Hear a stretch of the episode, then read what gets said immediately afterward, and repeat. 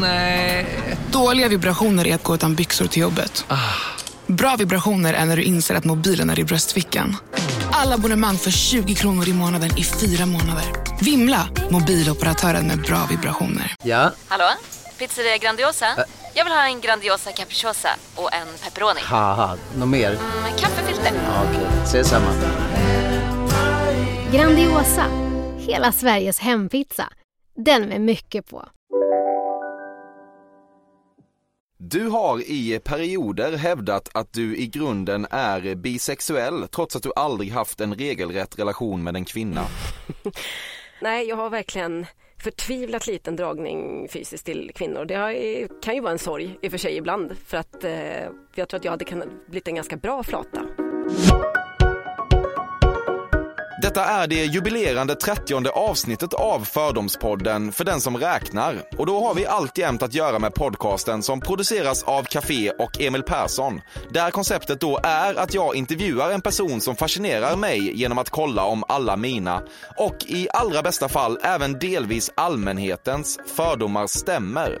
Idag ligger fokus på Johanna Frändén, känd för sina texter i Sportbladet och eh, framförallt kanske ändå mest känd för sina texter i Sportbladet om Zlatan Ibrahimovic.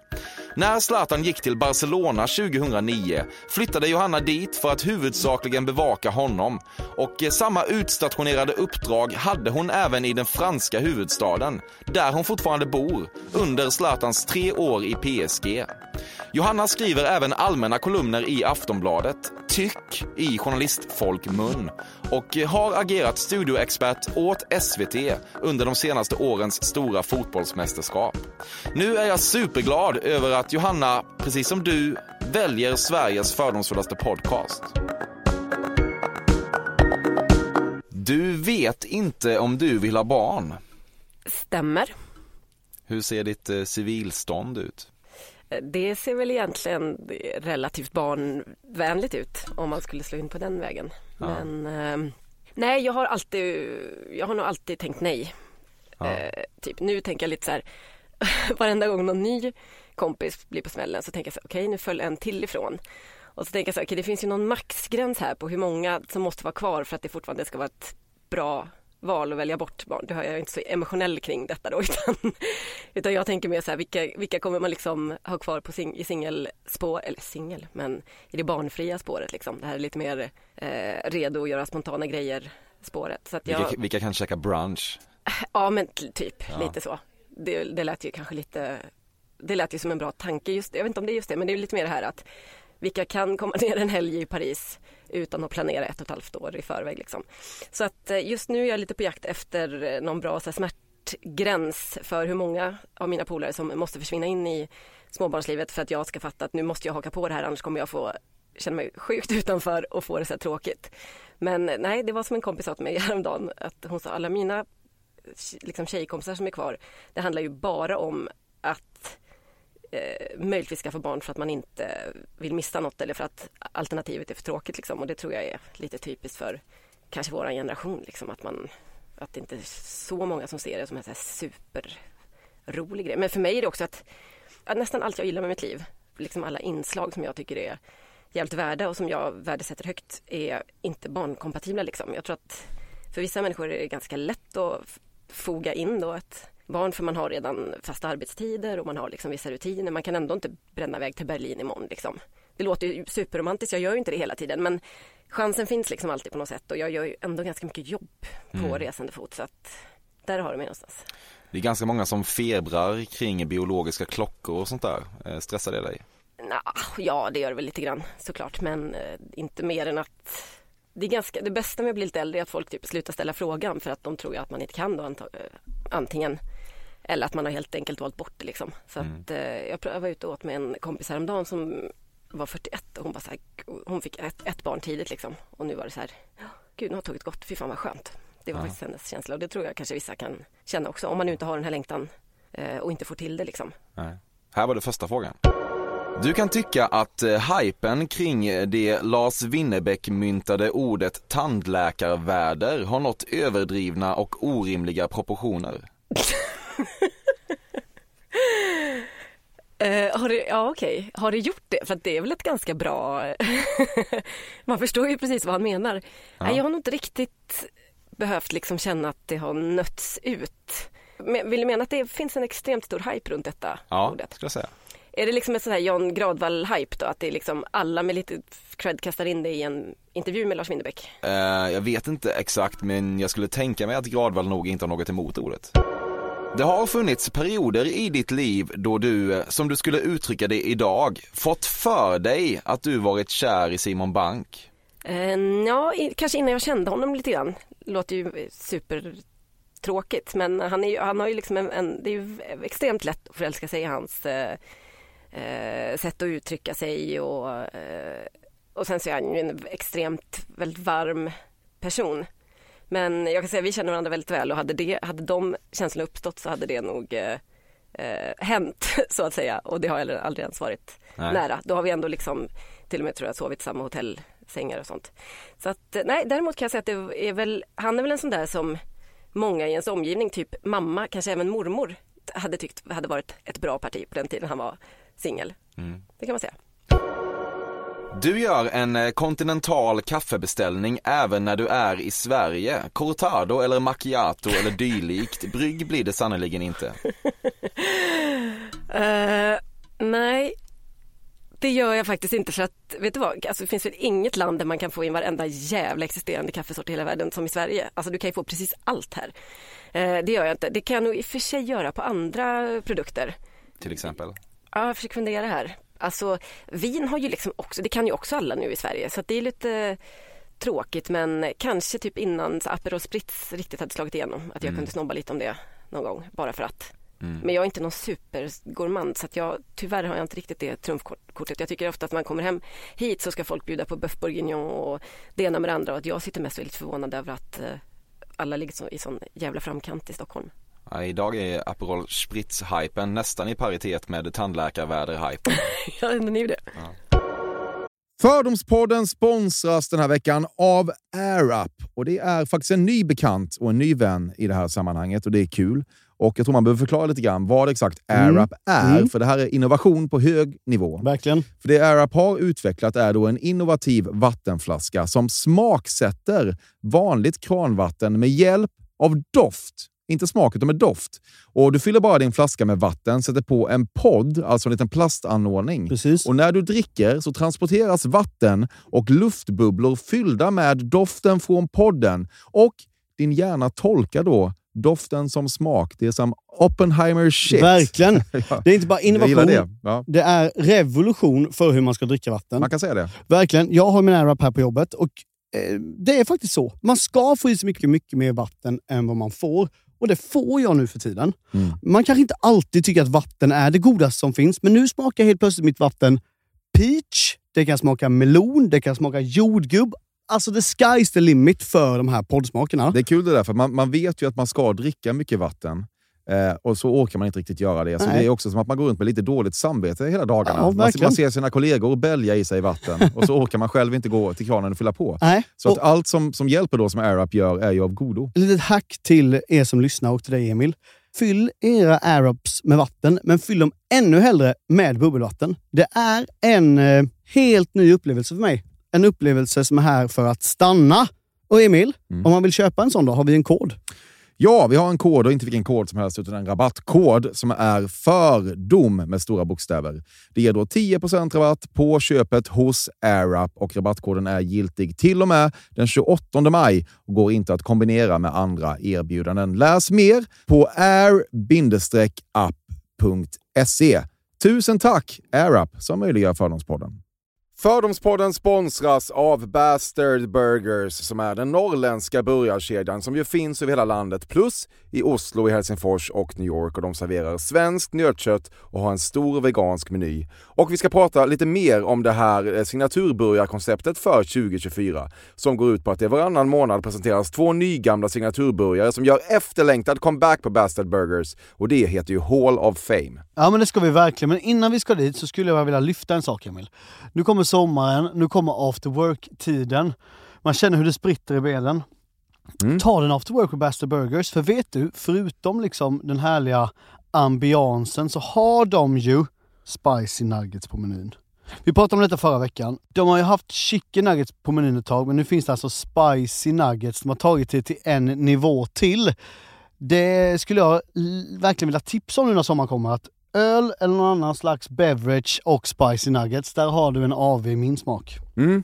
Och också det, just det här att Spicy Nuggets nu kommer finnas permanent på just menyn. Det, Jag tycker det verkligen. finns en otrygghet i, i, i vissa eh, matkedjor när, när vissa grejer bara återkommer då och då och man vet aldrig om ens favoriter finns där. Men Spicy Nuggets som är godare än vanliga nuggets som man är lagd åt ett spicy Mm, hållet, mm. vilket jag är, kommer nu alltid finnas där. Det finns en trygghet i det. Jag vill också slå ett slag för att det nu i maj släpps även en ny signaturburgare och det är alltså ingen mindre än The Notorious Chili Cheese. En burgare med chili cheese på. Man minns när chili cheesen kom in i ens liv och förändrade livet till det bättre. Det är ostigt, det är starkt, det är otroligt. Det innehåller alltså massa ost och lite jalapeno. Och allt detta kan du såklart få om du laddar ner appen för Bastard Burgers och beställer eller för guds skull går till en fysisk restaurang.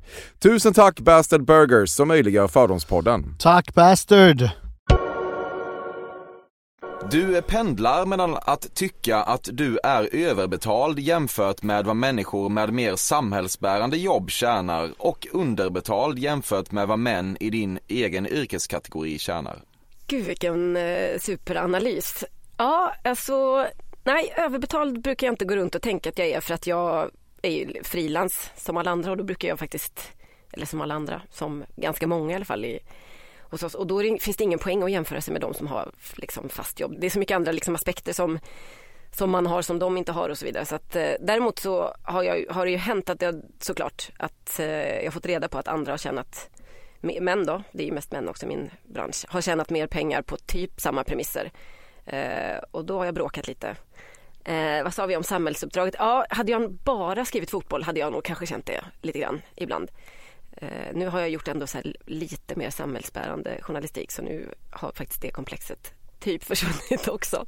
Men jag gillar inte att vara underbetald. Jag är inte någon liksom jag är inte någon supermaterialist men jag tycker det är, det är en sån här grej som kan, jag kan inte släppa sånt om jag får reda på att ja, någon annan gör samma jobb för samma pengar. Sånt kan göra mig otroligt eh, frustrerad. Du läste Naomi Kleins samhällskritiska bok No Logo inom det första utgivningsåret. Aldrig läst boken. Okej. Mm. Det bästa du vet när en kompis hälsar på dig i Paris är att gå ner till din stamkrog, se hur ägaren glatt acknowledgar dig med en kindpuss och säger något i gränslandet mellan smicker och, och sexism. Bilden av dig som en local kan faktiskt inte förankras tydligare. Ja, fem, fem plus, eh, full pott, absolut. Eh, jag har ju min, eh, precis, bar på hörnet. Han som äger den är ju mycket förtjust i mig och har deklarerat sin kärlek tidigare också. Eh, så att eh, Dit tar du kompisar som kommer på besök. Ja, men även typ kanske nya pojkvänner för att liksom visa att, att det finns ändå någon form av eh, backup om han skulle försvinna i mitt liv och så vidare. Det tycker jag, man får inte vara dum i huvudet liksom. Man får inte vara en sucker. Du har någon gång eh, när din kollega Jennifer Wegerup ånyo i en Sportbladet-kolumn i förbifarten råkat nämna att hon även skriver för den så kallade Gazettan, skärmdumpat och skickat till andra kollegor okommenterat. Nej, det har jag nog kanske inte gjort fast eh, jag har nog eh, har, vi har en ganska hög dumpningskultur eh, och skicka runt-kultur generellt på, på Sportbladet så hon har säkert eh, eh, smitit med där någon gång. Jag har skickat Robert Laul-grejer till Simon Bank, jag har skickat Erik Niva-grejer till Robert Laul och jag har nog, alltså förstår du, det, har nog, det finns nog en viss rundgång där för att alla har ju vissa grejer som, som liksom dyker upp. Alltså jag antar att jag har väl också det, en typ av liksom Maner. Ja, alltså ibland kan det ju vara vissa ord bara, men ganska ofta precis någon form av maner eller något man gärna droppar. Och det där är ju ganska högt i tak hos oss och framförallt så är ju rätt så öppet för tjuvnyp. Så att jag vet inte om jag har skickat just den eh, grejen, men det är nog inte alls omöjligt att jag skickar något, någon Jennifer-grej vidare. Kan man säga att Jennifer Wegerup eh, missbrukar informationen att hon även skriver för den så kallade Gazettan ibland? Nej, det tycker jag faktiskt inte. Det enda du hatar mer än gallerior är svenskar som pluggar en termin i USA och sedan börjar referera till fenomenet som malls. Ja, de står kanske inte så jättehögt eh, i rankning hos mig. Jag tycker hela den här USA-fetischismen liksom, i Sverige är, väldigt tröttsam. Um, och lite oroande för att uh, den är så eller hela det här att alla har något jävla favorithak i, på liksom Lower East Side. Jag tyck, det är nästan sånt som har få, liksom hållit mig borta från resor till New York. Jag, tyck, jag vill inte bli en sån som kommer hem och börjar prata om något jävla liksom raw food ställe där som man ju alltid går till och man känner, eh, på tal om att känna någon bakom disken och sånt där.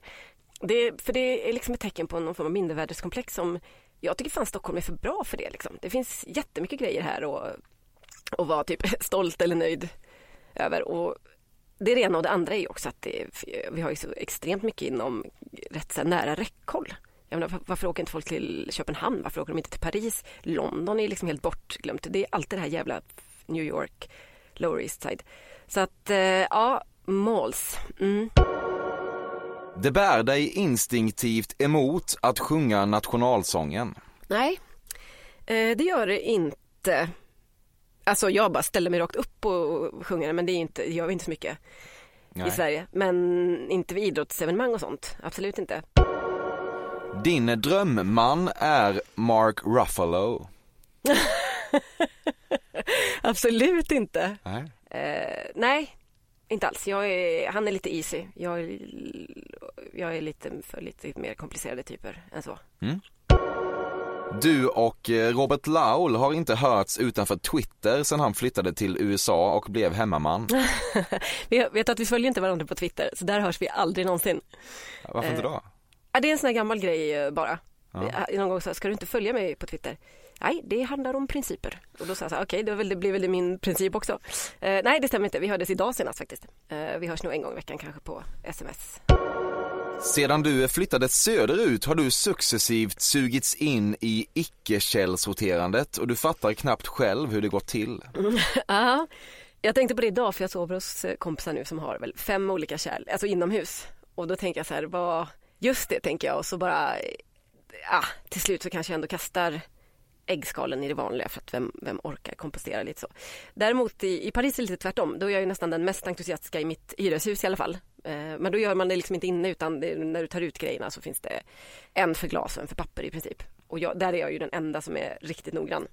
Och min pojkvän brukar säga, du, du, vet att de bara blandar allt ändå sen. Det här är bara en så här, det här är bara för liksom ge sken av att vi bryr oss i Paris. Och trots att... Men det är den klassiska myten. ja, precis. Om, liksom, men, ja, exakt. också. Ja, vet inte om det stämmer, men exakt. Nej. Men eh, de hade annonserat tydligen någon inlärningsperiod i, i Paris då, vilket ju kanske inte motiverar folk så mycket. Men där tar jag på mig lite grann. Men jag kan hålla med om att eh, jag kan känna lite generellt överallt, eh, all liksom den här stundande miljökatastrofen så känns det som att jag känner mer och mer att smågrejer är så jävla onödiga om man jämför med vad, vad som hände när typ Trump drog sig ur Parisavtalet. Det, det kan ju vem som helst räkna ut men nej, jag har lite tappat stinget där, helt eh, riktigt. Du har suttit i direktsänd SVT-studiosändning och eh, tänkt riktigt mörka tankar om Daniel Nanskog när han brett ut sig, fysiskt men framförallt verbalt. Nej, det har jag faktiskt inte. Eh, alltså jag, nej, det har, nog, det har nog egentligen hänt. Lite, lite mörka tankar? Nej, inte, nej det kan jag inte säga. Alltså av, det har jag tänkt med andra jag jobbat med men jag har faktiskt aldrig det är någonting med, med Daniel Landskog som är så bjussigt liksom och som är så, jag, nu var det också så att jag var inte veteran när vi började ihop men jag hade gjort ett mästerskap i SVT och han kom från eh, Norge och klev in och då tog han ju över som du säger med liksom eh, bredde ut sig på ett sätt som var unheard, unseen i så svensk tv-historia. och så fick han ju justera det där eh, lite grann men han kom från norsk tv och där var det på ett helt annat sätt. Eh, nej, det har jag inte. Det har aldrig riktats mot honom faktiskt. Du sitter fortfarande på fönsterkarmar i Paris och röker gräs då och då.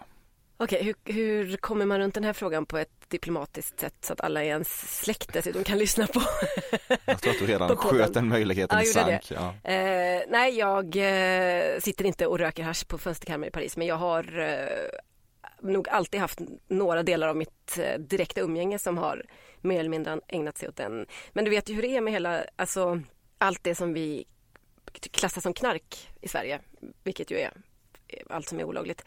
Det, har ju en alltså det går inte att jämföra med i Paris. Hade du ställt den här frågan i en fransk podd så hade inte det så finns det inget svar som hade varit mer upp, alltså uppseendeväckande att jag hade sagt nej absolut inte. Det, hade, det är ju helt otänkbart. Det finns ingen i vår ålder som, som skulle säga jag har aldrig kommit i kontakt med det om vi nu om vi drar gränsen där. Eh, jag, jag känner folk som ägnar sig åt sånt. Vi stannar där. Mm. Du har i perioder hävdat att du i grunden är bisexuell trots att du aldrig haft en regelrätt relation med en kvinna. Alltså kanske någon gång mellan 14 och 16 möjligtvis, eller vad kan det vara, 16 och 18 när man eh, börjar liksom inse att eh, att det finns eh, lite eh, popularitetspoäng att plocka på det helt enkelt. Men eh, nej, jag har verkligen förtvivlat liten dragning fysiskt till kvinnor. Det kan ju vara en sorg i och för sig ibland för att eh, eh, jag tror att jag hade kunnat blivit en ganska bra flata helt enkelt. Ja. Men jag har inte alls det i mig. Varför tror du det? Ja, för, för att jag, jag har ju så otroligt mycket, det kanske inte är för sig samma sak, men jag har så mycket bra kompisrelationer med tjejer. Och så många av dem som är lika viktiga eller viktigare än min liksom för tillfället pojkvän då i olika givna liksom eh, tidsperioder i mitt liv. Att jag nästan alltid har värderat dem lite högre också. Att, att man har lite den här känslan nästan av ett gammalt par med många kompisar. Jag vet mycket mer om dem för att den relationen bygger på andra premisser liksom. Så att eh, därför inbillar jag mig att, det kanske, att jag kanske hade blivit en bra flata. Men å andra sidan så kan jag också tycka att alltså tjejer i grupp kan jag tycka är lite jobbigt. Jag, jag har några, jag är inte någon sån här tjej, tjejmiddag-tjej, är jag absolut inte. Nej. Det kryper i hela kroppen när folk frågar om jag vill komma på en tjej. Det vet jag, så här, finns det ordet med, vill komma på en tjejmiddag så vet jag att det är inte för mig. Liksom, för då kommer det följa en viss mall och så ska man prata om vissa saker och det, jag är så här, generiskt ointresserad av allt som dyker upp på en tjejmiddag. Du gick hos logoped som barn. Ja! Vad sjukt. Barn? Jag gick... Eh, Eller? Alltså jag gick... Var du äldre? Ja, lite äldre. Jag, jag, jag, jag, Vad glad du blev. Kul. Det är en helt fantastisk spaning, för det tror jag inte någon har frågat. Du, har inte, du gissar på det här helt enkelt? Ja, absolut. Ja. Eh, nej, men kanske inte av det skäl som du tror, men jag skrek väldigt mycket när jag var barn då, alltså 5-6 års åldern. Jag var, ett väldigt, jag var ganska aggressiv och extremt högljudd och fick eh, tappade rösten ofta, fick knutor på stämbanden helt enkelt som det heter. Mm. Och eh, fick ibland åka till min farmor och vila upp min röst för att jag var väldigt högljudd på dagis framförallt och eh, lite dominant sådär tror jag. Och sen så började jag eh, senare på kanske högstadiet ta sånglektioner, jag gick på kommunala musikskolan och då sa min sångpedagog att du har liksom en intressant röst Johanna men det är någonting som lite vajsing med din röst, vi måste reda ut vad det är. Skickade mig till en logoped helt enkelt. Som konstaterade igen då att du har ju haft eh, knutor på dina stämband tidigare. Ja, antagligen kan man se det då i efterhand på något sätt. Så att eh, då fick jag börja, istället för att sjunga så fick jag börja typ prata i tre månader. Sångpedagog. Mm. Så är det. Du har haft åtskilliga relationssnack med tjejkompisar som kulminerat i de nio bevingade orden Du måste gå vidare, han kommer aldrig att förändras. Uh, ja, eller kanske mer Ja, jo, det kan man väl säga. Någonstans eh, runt där. Vem har inte haft det liksom. Kanske det... i och för sig är mer tjejmiddagsvisdom. Nej, absolut inte. Nej. Herregud, jag pratar jättemycket relationer med mina tjejkompisar också just för att eh, i den här åldern så är det ju, alltså efter 30 skulle jag säga och kanske ännu mer nu när man är 35 och de som fortfarande är singlar eller som inte är jätteetablerade det är ju en extrem koncentration av rötägg som de stöter på och jag vet inte om det känns på samma sätt från andra hållet men det är väl ett mer eller mindre etablerat faktum och det där tänker man ju så här, nej det där är ju en myt och jag tänker aldrig liksom springa runt och ropa att karar är idioter men eh, tyvärr har jag ju motbevisats också på det personliga planet men kanske ännu mer via många tjejkompisar de senaste åren. Inte minst när alla börjar nätdejta och sånt. För att det liksom är, så att eh, jag har nog sagt en variation på de där nio bevingade ganska många gånger. Vilket är det största rötägg du har dejtat? Jag har väl kanske, de största rötäggen är väl de sådana som har dragits ur innan det ens har blivit någon liksom dating. Jag, jag eh, jo men jag hade för sig kanske lite eh, hur mycket ska man berätta här förresten? jag bara, Allt givetvis. öppnar liksom hela mitt minne nu. Så den ja. och den och den. Yes. Ja, ös. Ja. Eh, nej, jag hade en period i, ja vad fan, skitsamma. Eh, en period när jag bodde i Barcelona eh, sista året där jag var väl ganska mycket rötägg själv också men jag hade, hade ihop med två eh, argentinska alfahannar som var bästa vänner. Eh, vilket är, det är lite som italienare, det verkar vara helt okej okay, liksom att man växlade där för att det känns som att det var någon så konstant alfahan eh, tävlingsinstinkt mellan dem så det var lite så här, ja ja, må bäst man vinna. Ja, Eh, du var men- ihop med båda samtidigt. Nej, det var jag inte ihop med båda. Jag var först ihop med den ena och sen så ihop och sen så eh, tröttnade vi på varandra och sen så började jag träffa hans kompis kan man säga. Mm. Men de var rätt chill med det så att vi, det hände att vi sågs eh, jag kunde, de bodde ihop också så det var ju det var väl det mest komplicerade. Eh, vad skulle jag säga om detta? Nej men det var det, det, det är klart att utan att prata nationalstereotyper men de träffar liksom en så här, argentinsk alfahanne med så här, sexpack och jävligt hög eh, eh, svansföring så kan du inte räkna med att det liksom kommer sluta så bra. Eh, ja, ska vi Ja. lämna det där? Ja det kan vi göra. Ja. Där, fanns, där fanns en rötäggsfaktor. Jag tror, jag tror att alla, vi hade nog eh, alla vår beskärda del av rötägg där. Du har opåkallat fått sex-sms från någon spelare i Barcelonas A-lag. Nej. Du har en mormor eller farmor som inte förstår varför du inte bara flyttar hem och skaffar familj. Nej, jag har en mormor kvar i livet som är den absolut mest, minst konventionella eh, just när det kommer till, hon är nog den enda som säger, eller som sa tidigt, "F- bry dig inte om vad som är konventionellt Johanna. Hade jag inte gjort det så hade jag också varit ute i Europa eller något sånt där. Så hade inte du funnits. så hade jag exakt, nej precis. Senast igår var jag och hälsade på, då sa hon, så frågade hon hur det är med kompisar, så sa jag, men den mår så, och den mår så. Ja, hon har lite jobbigt, hon har ju två jättesmå barn och då sa min mormor, "Ja, förstår inte det här nya att man ska id, liksom idealisera småbarnsåren, det är en fruktansvärd tid. Och det, så att jag har en mormor som är en riktig sanningssägare och en extrem, extremt klarsynt för att vara nästan 90 år i allt som, jag tror att om man är liksom intelligent och lite underutnyttjad som jättemånga kvinnor är i den eh, generationen, alltså rent eh, intellektuellt. Man kom kanske igång sent, man skulle först skaffa familj och det var liksom inte riktigt läge att göra karriär förrän efteråt. Så, finns det, så har de en helt annan distans till allt det som händer nu och allt det vi försöker uppnå eh, än vad vi själva har. Och jag tror att det är de absolut mest klarsynta eh, analyserna av eh, allt det här som vår generation håller på med. Att det ska vara extremt konventionellt och bröllop på ett visst sätt och boende på ett visst sätt och barn i en viss eh, kullar i liksom en viss eh, årgång med mellanrum och sådär. Så är- tycker jag nästan att det är eh, de som har levt ett helt liv som några få i alla fall, som är väldigt bra att sätta ord på det. Och där ingår min mormor. Så att jag, nej, jag har väl ingen riktigt i min släkt som utåt säger du borde flytta hem. Är hon införstådd i historien med de argentinska alfahanarna din mor? Jag har väl inte dragit den eh, rakt upp och ner men jag tror Nej. att hon är väl den som skulle bli minst chockad i släkten i alla fall. Du har haft ett förutsättningslöst möte med DNs chefredaktör Peter Wolodarski. Nej, det har jag faktiskt inte. Däremot har han föreslagit att eh, vi ska ses och typ ta en fika någon gång. Men vi var faktiskt med i Sommarpratarna som är det här, ja, vi som har gjort sommarprogram då, så ses man i, i tv sen och pratar om detta. Och då var vi med i samma avsnitt och eh, hade mycket att prata om. Så att eh, det handlar nog mer om det. Hör av dig nästa gång du är i Stockholm så tar vi en fika. Så jag har inte något, eh, inget stå, stående erbjudande från honom. Nej. Du har sett bilden på Lenny Kravitz i en för stor scarf. Självklart. Mm. Älskar Lenny Kravitz. Älskar du hans scarf? Ja, alltså jag har, jag har ingen speciell relation till den scarfen. Menar att man, man undrar vad i helvete hände här liksom. Men eh, ja, nej, men visst för fan, kör på. Jag, jag gillar allt med honom. Tyg finns, så att säga. det kan man säga. Du tycker att croissanter köpta i Sverige saknar den där rätta spänsten. Ja, det gör de väl ofta. Även om Zlatan-uppdraget förstås haft supermånga uppsidor finns det en liten del av dig som tycker det är ovärdigt att flera år av ditt yrkesliv i ganska hög utsträckning definieras av en man och dessutom en alfahane som du inte tycker sådär jättemycket om.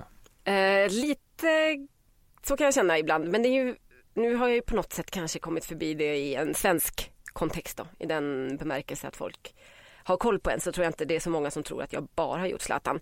Eh, ibland eh, utomlands i Frankrike givetvis så är det ju alltid därför folk kontaktar mig, eh, fransk media, om de vill ha någonting. Det stör mig inte heller egentligen. Alltså det, det hade känts lite löjligt att gnälla på det när han har varit liksom hela min eh, trampolin in i det här yrket. Men eh, ja, det där, inte, äh, inte så mycket att han är man, men det är klart att någon gång när han hade den, sin berömda beef med damlandslaget och sa att de kunde äh, skulle åka ut på en cykel som han skulle sätta sin autograf på. Så, då kände jag liksom instinktivt att nu lägger du ner det här för att det här, det här känns det känns ju sjukt att vi ska liksom äh, eller någonstans bygger man ju hela tiden fotbollsspelares varumärken när man bevakar dem även om man har ett, ett annat eh, perspektiv på det. Så det har jag nog känt eh, ibland faktiskt. Jag brukar för att motivera det för mig själv eller för att liksom inte ursäkta det men legitimera det kan man säga så brukar jag ändå tänka att han är ett sånt eller har varit ett sånt unikt fenomen så att det är ju inte även om det ibland känns lite överdrivet så kommer det om 20 år kännas jävligt fett att ha gjort det tror jag. Hej, Synoptik här. Visste du att solens UV-strålar kan vara skadliga och åldra dina ögon i förtid? Kom in till oss så hjälper vi dig att hitta rätt solglasögon som skyddar dina ögon. Välkommen till Synoptik. Psst! Känner du igen en riktigt smart deal när du hör den? Fyra säckar plantjord för 100 kronor. Byggmax. Var smart. Handla billigt. Demideck presenterar Fasadcharader. Dörrklockan. Du ska gå in där. Polis? Effektar? Nej, tennis tror jag. Pingvin. Alltså, jag fattar inte att ni inte ser. Va? Nymålat. Men det var många år sedan vi målade. Demideckare målar gärna, men inte så ofta. Du kan bli trött på att du ibland kan känna en liten dragning till, eh, om vi unnar oss en kliché, franska kulturellt bevandrade och intellektuella douchebags. Absolut inte. Jag är faktiskt inte så intresserad av intellektuella män överhuvudtaget. Nej, det har jag nog fått eh, bara svart på vitt till slut för jag tittar liksom på min eh, på mitt CV så att säga, mm. vilka jag har haft relationer med. Och det är, det är ingen intelligensreserv. Jo, men det är inte samma sak. Alltså, men Nej. inte intellektuella. Var det inte det du sa? Jo. jo. Nej, alltså intelligens är ju, är ju liksom... Det hade inte, jag hade inte stått ut med någon spånig eh, kille. Absolut inte. Men det där liksom intellektuella och lite världsliga och kanske lite... Det, det har av någon anledning inte riktigt fallit mig på läppen. Jag har inte haft, så att jag har inte, jag har aldrig liksom haft någon sån här kulturmans eh, trauma som väldigt många verkar ha. Det är något lite poserande över det som jag har svårt Mm. För jag är en ganska enkel tjej också i grunden. Vet du. du vet precis vad din första roman ska handla om. Alltså jag har ju, jag har ju haft lite olika utkast eh, kan man säga. Om den senaste idén som jag kanske sjösatte för två år sedan och kanske inte har kommit mer än tio sidor. Men om den skulle hålla i sig så vet jag ju absolut. Mm. Mm. Går det att säga någonting om den? Nej, vad ska man säga? Alltså jag, det är väl att gräva där man står då. Får du mm. ta det, gissa ifrån. Jag, jag, och inte så navelskådande. Jag är lite, lite trött på den här extremt eh, liksom självrannsakande familjelitteraturen som kommer. Även om många gör det väldigt bra i Sverige så är det, och ganska ofta jag också känner att jag inte blir så engagerad i det faktiskt. När alla dina jämnåriga kompisar drog till Oceanien och tatuerade fotryggar flyttade du till ett kollektiv i London, väntade bord och tog helt okej okay mängder ecstasy. Eh, ja, jag tog inte någon ecstasy men jag eh, flyttade till London i ett kollektiv stämmer. Det här var precis efter gymnasiet. Mm. Eh, och jobbade på restaurang och pub. Mm. Och hade extremt många, mycket, började umgås med väldigt mycket människor som tog mycket syntetiska droger. Vi, gick, vi var ute väldigt mycket på såna supertunga klubbar som var öppna till sex på morgonen. Så att jag var nog och alltid varit, jag har alltid varit väldigt eh, instinktivt väldigt eh, känt ett obehag inför eh, den typen av um, Alltså det här tappa kontrollen-känslan som finns på de klubbarna. Jag gillar inte alls det. Så jag var nog mer den som gick runt och kollade att alla drack vatten och kom hem. Mm. Helt ärligt. Mm. Jag eh, ja, vet inte varför men jag har eh, aldrig haft någon direkt känsla av att jag skulle vilja ta ecstasy och tro att jag var en delfin och var uppe i 24, eller var uppe i 24 timmar och Nej. gå hem barfota. Du har en ikon på väggen hemma. Ja, jag har faktiskt eh, några stycken. Mm. Helt riktigt. Mm. Jag är inte någon, jag är väl en form av agnostiker själv men jag är ganska intresserad av eh, religion. Jag omger mig faktiskt med ganska mycket människor som är troende på ett eller annat sätt. På en eller annan eh, religion får man säga. Så att jag tycker det finns en liten spänning i det. Älskar katolsk estetik framförallt och går gärna runt i kyrkor och liksom bara tittar och insuper. När du flyttade till Paris satt du de två första veckorna med en karta och pluggade in nummerordningen på alla arrondissement för att framstå som mer bottnad i staden. Nej, jag borde nog ha gjort det för det tar ett jävla tag innan man fattar och man är ju så himla lost där i början när man frågar var folk bor och man önskar bara, kan de inte bara säga jag bor i sydvästra Paris eller jag bor i, men man får ju alltid det där jävla numret. Ja. Mm. Visst har du nu blivit en person som själv också ger folk numret? Ja, Ja. dessvärre. Mm. Eh, det är helt riktigt. Men jag gör ju inte det till, jag är inte dum i huvudet. Jag säger inte det till någon, någon på jobbet på Aftonbladet som ska dit liksom. Du är bekymrad över hur förlåten Johnny Depp redan tycks ha blivit. Ja, det är jag faktiskt lite grann. Vad fan är det liksom? Vad, herregud vilken, eh, vad lätt det var att bara gå vidare för alla inblandade. Eh, sen är det ju också klart att ibland kan jag känna också att vi, det, finns ju, det finns ju en viss moral kring brott och straff hos eh, väldigt många mm, liksom vettiga människor, eller ska vi säga då politiskt korrekt tänkande människor, men det, dit jag ändå ganska ofta liksom räknar mig.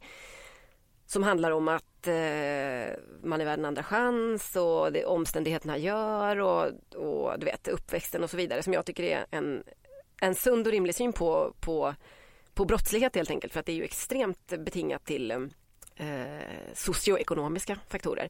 Och den försvinner ju helt när vi pratar om eh, mäns våld mot kvinnor. Och eh, kanske inte är så genom, den kanske inte är så viktig för, eh, för eh, varför det sker. Men jag tror ändå att, jag tycker ändå det finns en poäng i, nu det här blir långt för att säga, det finns en poäng i att är man inte dömd så är man ju fortfarande oskyldig någonstans. Och det, vi kan inte applicera det på alla rättsfall utom när det kommer till våld mot kvinnor. Även om det instinktivt känns så jävla obehagligt så att man nästan är lite mer beredd att, att döma folk ohörda eh, där, folk, män. Eh, Johnny Depp är ju inte dömd för något, det är vi väl överens om. Mm. Men det fanns väl starka indikationer hit och dit på. Så att eh, ja, det, jag tycker nog att generellt att det finns en, em, alltså det är väldigt lätt nu generellt för, för kända människor att gå vidare. Förr i tiden kunde ju sånt där ruinera en hel karriär. Det är inte så längre upplever jag. Det är lite bekymmersamt eh, kanske att det, att det glöms så snabbt bara för att han är snygg och har gjort ganska mycket bra filmer i slutet på 90-talet. Mm. Du har varit på samma fest som franske DJn Gesaffelstein. Absolut, ingen aning om... Känner man i, borde jag känna igen honom? Kanske. Nej, i- nej det tror jag inte. Du undrar varför du inte fått komma tillbaka till På spåret. Nej, det gör jag inte för de har frågat eh, flera gånger. Jag har tackat nej eh, av lite olika skäl. Det sista liksom, eh, det självande beslutet har ju alltid handlat om att eh, insatsen är, rätt hög. Jag vet att precis året efter vi var med så var det 25-årsjubileum eh, och då hade de bara massa gamla par men året efter det frågade de året ef- efter det också tror jag och nu faktiskt senast så att eh, nej det undrar jag inte så mycket över. De kanske undrar varför jag inte kan ta mig i kragen och Vad menar du med hög insats, att det är läskigt? Ja men det är läskigt, det tar ju, ja precis, det är ju, det är liksom, fan det är en ganska sjuk situation egentligen. Jag, ju mer jag liksom tänker på det undrar jag varför man utsätter sig för det. Samtidigt är det väldigt roligt, men jag är otroligt impad av de som går in och gör det som, man gör det på liksom måndagen och sen så på tisdagen så liksom rattar man sitt eh, tv-program och sen så gör man, alltså förstår du för mig, jag var helt fixerad vid det där programmet den hösten när jag var med. Det spelade otroligt stor roll i min liksom pers- personliga prestige. Det är väl det jag skulle säga. Jag kan inte ta sånt med en klackspark. Så att jag känner nästan så här, ja, ja men skulle jag vara med igen då skulle jag ju behöva vara liksom, gå in och få med bootcamp i en månad och typ inte göra något annat. Och den närvaron har jag inte riktigt. Du sätter ett ganska stort frågetecken för din kollega Jennifer Wegerups politiska åsikter. Ja, alltså frågetecken. Nu har ju hon liksom varit, blivit eh, eh, värvad av politiksidan. Så att nu gör jag väl inte det så mycket längre. Men eh, hon står väldigt långt ifrån mig politiskt. Var står du politiskt? Ja, men jag står... Det, jag ska säga så här. Jag är inte någon, jag är ingen partist. Vilket innebär att jag röstar inte på samma eh, parti alla gånger. Jag är mycket mer, eh, och det här kommer ju låta så jävla galtanflummigt liksom. Jag är intresserad av liksom eh, ekonomisk fördelningspolitik. Där har jag liksom ändå en vänster eh, tillhörighet på något sätt. Men sen är det ganska många frågor där jag är ganska mycket mer liberal än många sossar liksom, eller vänstermänniskor. Och... så- Fönsterkarm-relaterade frågor. Nej, nej absolut inte. Nej det är jag faktiskt inte. Eh, ja, men eh, det är nog en mer emotionell grej, men om man, om man, om man ser på hur, familjebildning och sånt där till exempel, att det finns en sån extremt stark eh, norm i Sverige och på något sätt att alla liksom nya regnbågsfamiljer och så vidare och kanske även som en eh, samkönade äktenskap, hur, hur snabbt den, en livsstil som har varit eh, tidigare hotfull för många och eh, liksom sett som lite apart och kanske att man liksom har kopplat samman det här med väldigt mycket ja, vissa typer av karaktärer bara glider in i det här extremt svenska konformistiska typiska familjebildandet. Enda skillnaden är att eh, det är två män eller två kvinnor, vilket ju alla har såklart rätt att bli vanliga Svensson, så jag säger inte det. Jag tycker bara att det är tråkigt med samhällen där det är väldigt konformistiskt och det tror jag har att göra med att vi inte har en så jätteliberal eh, grogrund riktigt i Sverige för sådana saker. Även om vi är, eh, vill att det ska vara rättvist och det är på andra premisser lite, lite grann som vi driver sånt. Och sen jag, har jag några frågor jag är väldigt konservativ i och det är typ så skolfrågor, eh, barnuppfostran, alltså du vet eh, saker som jag tycker är, det finns en poäng att ha så en stark kanon till exempel i skolan. Jag tycker inte, jag tycker det är för mycket som är flummigt liksom i eh, Alltså jag, du skulle, jag skulle låta som en gammelmoderat om vi pratade om vissa sådana saker. Vad jag tycker om bildningsideal och, mm. och sådana där saker. Eh, barnuppfostran är också en typisk grej nu när jag har mycket kompisar som har barn och jag är alltid strängast liksom mot mina eh, svenska kompisars barn. I Frankrike är det en helt annan liksom, inställning. Men... Kika på AGA? Nej, nej, nej, jag kikar inte på AGA men jag menar det är inte, nej gode gud. Men eh, Däremot är det också intressant att, att, ha mycket internationella kompisar där ingen har problem med att säga, kommer, de allra flesta kommer från länder där det här har varit tillåtet och man har fått stryk, själv som liten stryk, man har fått en örfil eller liksom en smäll på stjärten i det vanliga. Och många tycker att det var bra. Mm. Eh, och det blev man helt allergisk mot i början. Eh, och det är inte jag alls länge. Då kan jag bara säga, okej, okay, men det här, jag accepterar den åsikten. Jag har, skulle inte själv kunna förmå mig att så här, fysiskt ge mig på ett barn för det skulle göra ont i hela liksom, min existens. Men jag har inga problem med att umgås med folk som eh, har det som uppfostringsmetod. Förstår du? Då skulle man få skära bort fyra av fem fransmän. Du är inte stark för att knyta en chalett runt huvudet. Inte stark? Du är svag för det, så att säga. Jaha. Mm. nej, det blir alltså Nej, det gör jag väldigt sällan faktiskt. Jag har inte de gånger jag prövat så tycker jag att det ser lite töntigt ut. Jag är, väldigt, jag är ganska konservativ när det kommer till sånt där också. Vilka saker man passar i och jag har inte, jag passar inte i den här romantiska looken. Du vet att man gärna vill ha en långkjol, kanske en chalett runt huvudet och kanske du vet, hyra ett hus vid havet. Liksom. Jag gillar den idén men jag kommer aldrig bli den kvinnan mm. som går en keramikkurs och eh, börjar odla örter och sånt där. Men jag kan uppskatta att de Marco Ruffalo-kvinna. Nej men där, du, du förstår varför vi inte hade gått ihop. Ja, exakt. Ja. Du svär mycket och slänger dig slentrianmässigt främst med könsord. Favoriten är ett rappt och snärtigt kuken. Ja, det är, tycker jag är ett väldigt praktiskt och eh, inte så politiskt problematiskt könsord. Du kan nämna minst tre filmer av Luc Besson. Ja, det kan jag väl. Mm. Taxi. Ett, två, tre. Vad har han gjort mer? Det stora blå är han. Ja. Eh, Leon har han gjort också. Mm. Mm. Du röker med superjävla reservation för uttalet Golosier. det var en fantastisk eh, reservation. Eh, jag röker Gauloise. Är det så det eh, då, då. Ja. ja. Röda brukar jag köpa om jag är på rökhumör. Ja. Absolut. Eh, det är när jag är antingen stressad, uttråkad ibland också eller om jag mår riktigt dåligt så brukar jag göra det. För att det bästa man kan göra av en lätt depression är att göra, ge någon form av liksom estetisk eh, eh, mening. Mm. Och då finns det inget bättre än att gå runt i Paris och se hålögd ut och med ett paket Gauloise. De förstår inte riktigt det, för de är det, det vanligaste då kanske eh, cigarettmärket. Så att eh, det, har, det är mest för, tror jag, för svenskar som det har någon sån riktig Paris-klang. Mm. Eh, Men det stämmer fullt ut. Du har övervägt att mot din vilja färga håret brunt bara för att komma undan blond svensk tjej-stereotypen.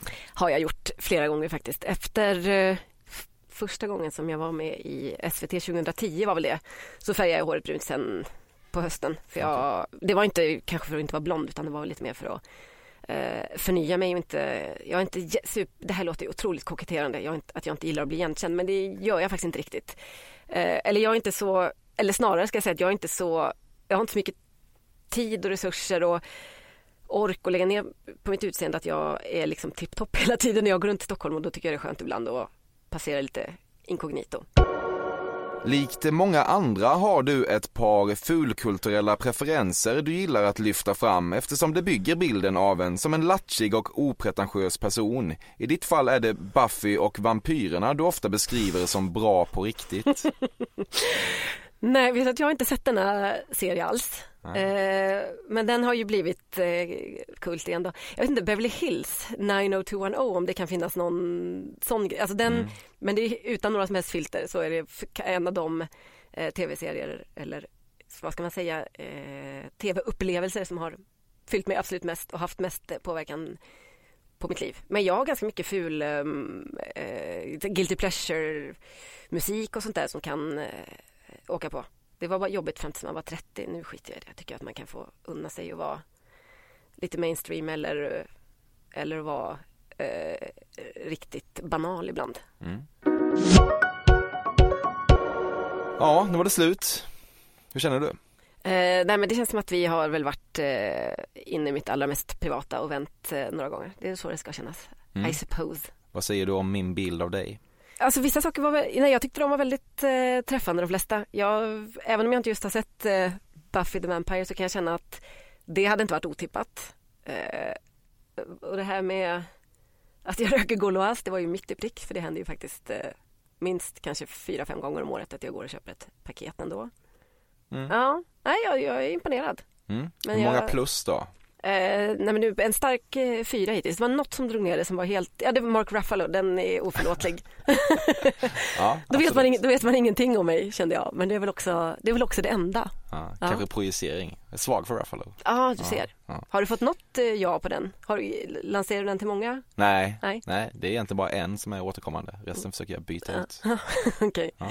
Nej, jag är imponerad. Jag tyckte det var eh, många träffande saker. Känner också att jag eh, liksom snirklar mig ut de värsta skapligt. Vi får väl se hur det låter. Du, det var superkul att du kom. Tack Mm. så hemskt mycket. Tack själv. Fortsätt för all del mejla mig på emil.persson.cafe.se eller kontakta mig i sociala medier. The Emil Persson heter jag av någon anledning där. Den mytiska Karl Björkegren lyser med sin frånvaro i sociala medier. Men eh, vem behöver å andra sidan sociala medier-närvaro när man är kapabel till att komponera så sinnlig vignettmusik som Fördomspoddens? Det är dags att avtäcka nästa veckas gäst och eh, han låter ganska exakt så här. Du mår piss. Kalle Schulman alltså. Ett mycket trivsamt avsnitt känner jag mig trygg i att påstå och hajpa redan nu. Vi hörs då. Beyoncé. Beyoncé. Beyoncé. Beyoncé. Beyoncé. Beyoncé. Beyoncé. Nej, jag blir osäker, men jag skulle nog säga Bayons. men jag vet inte.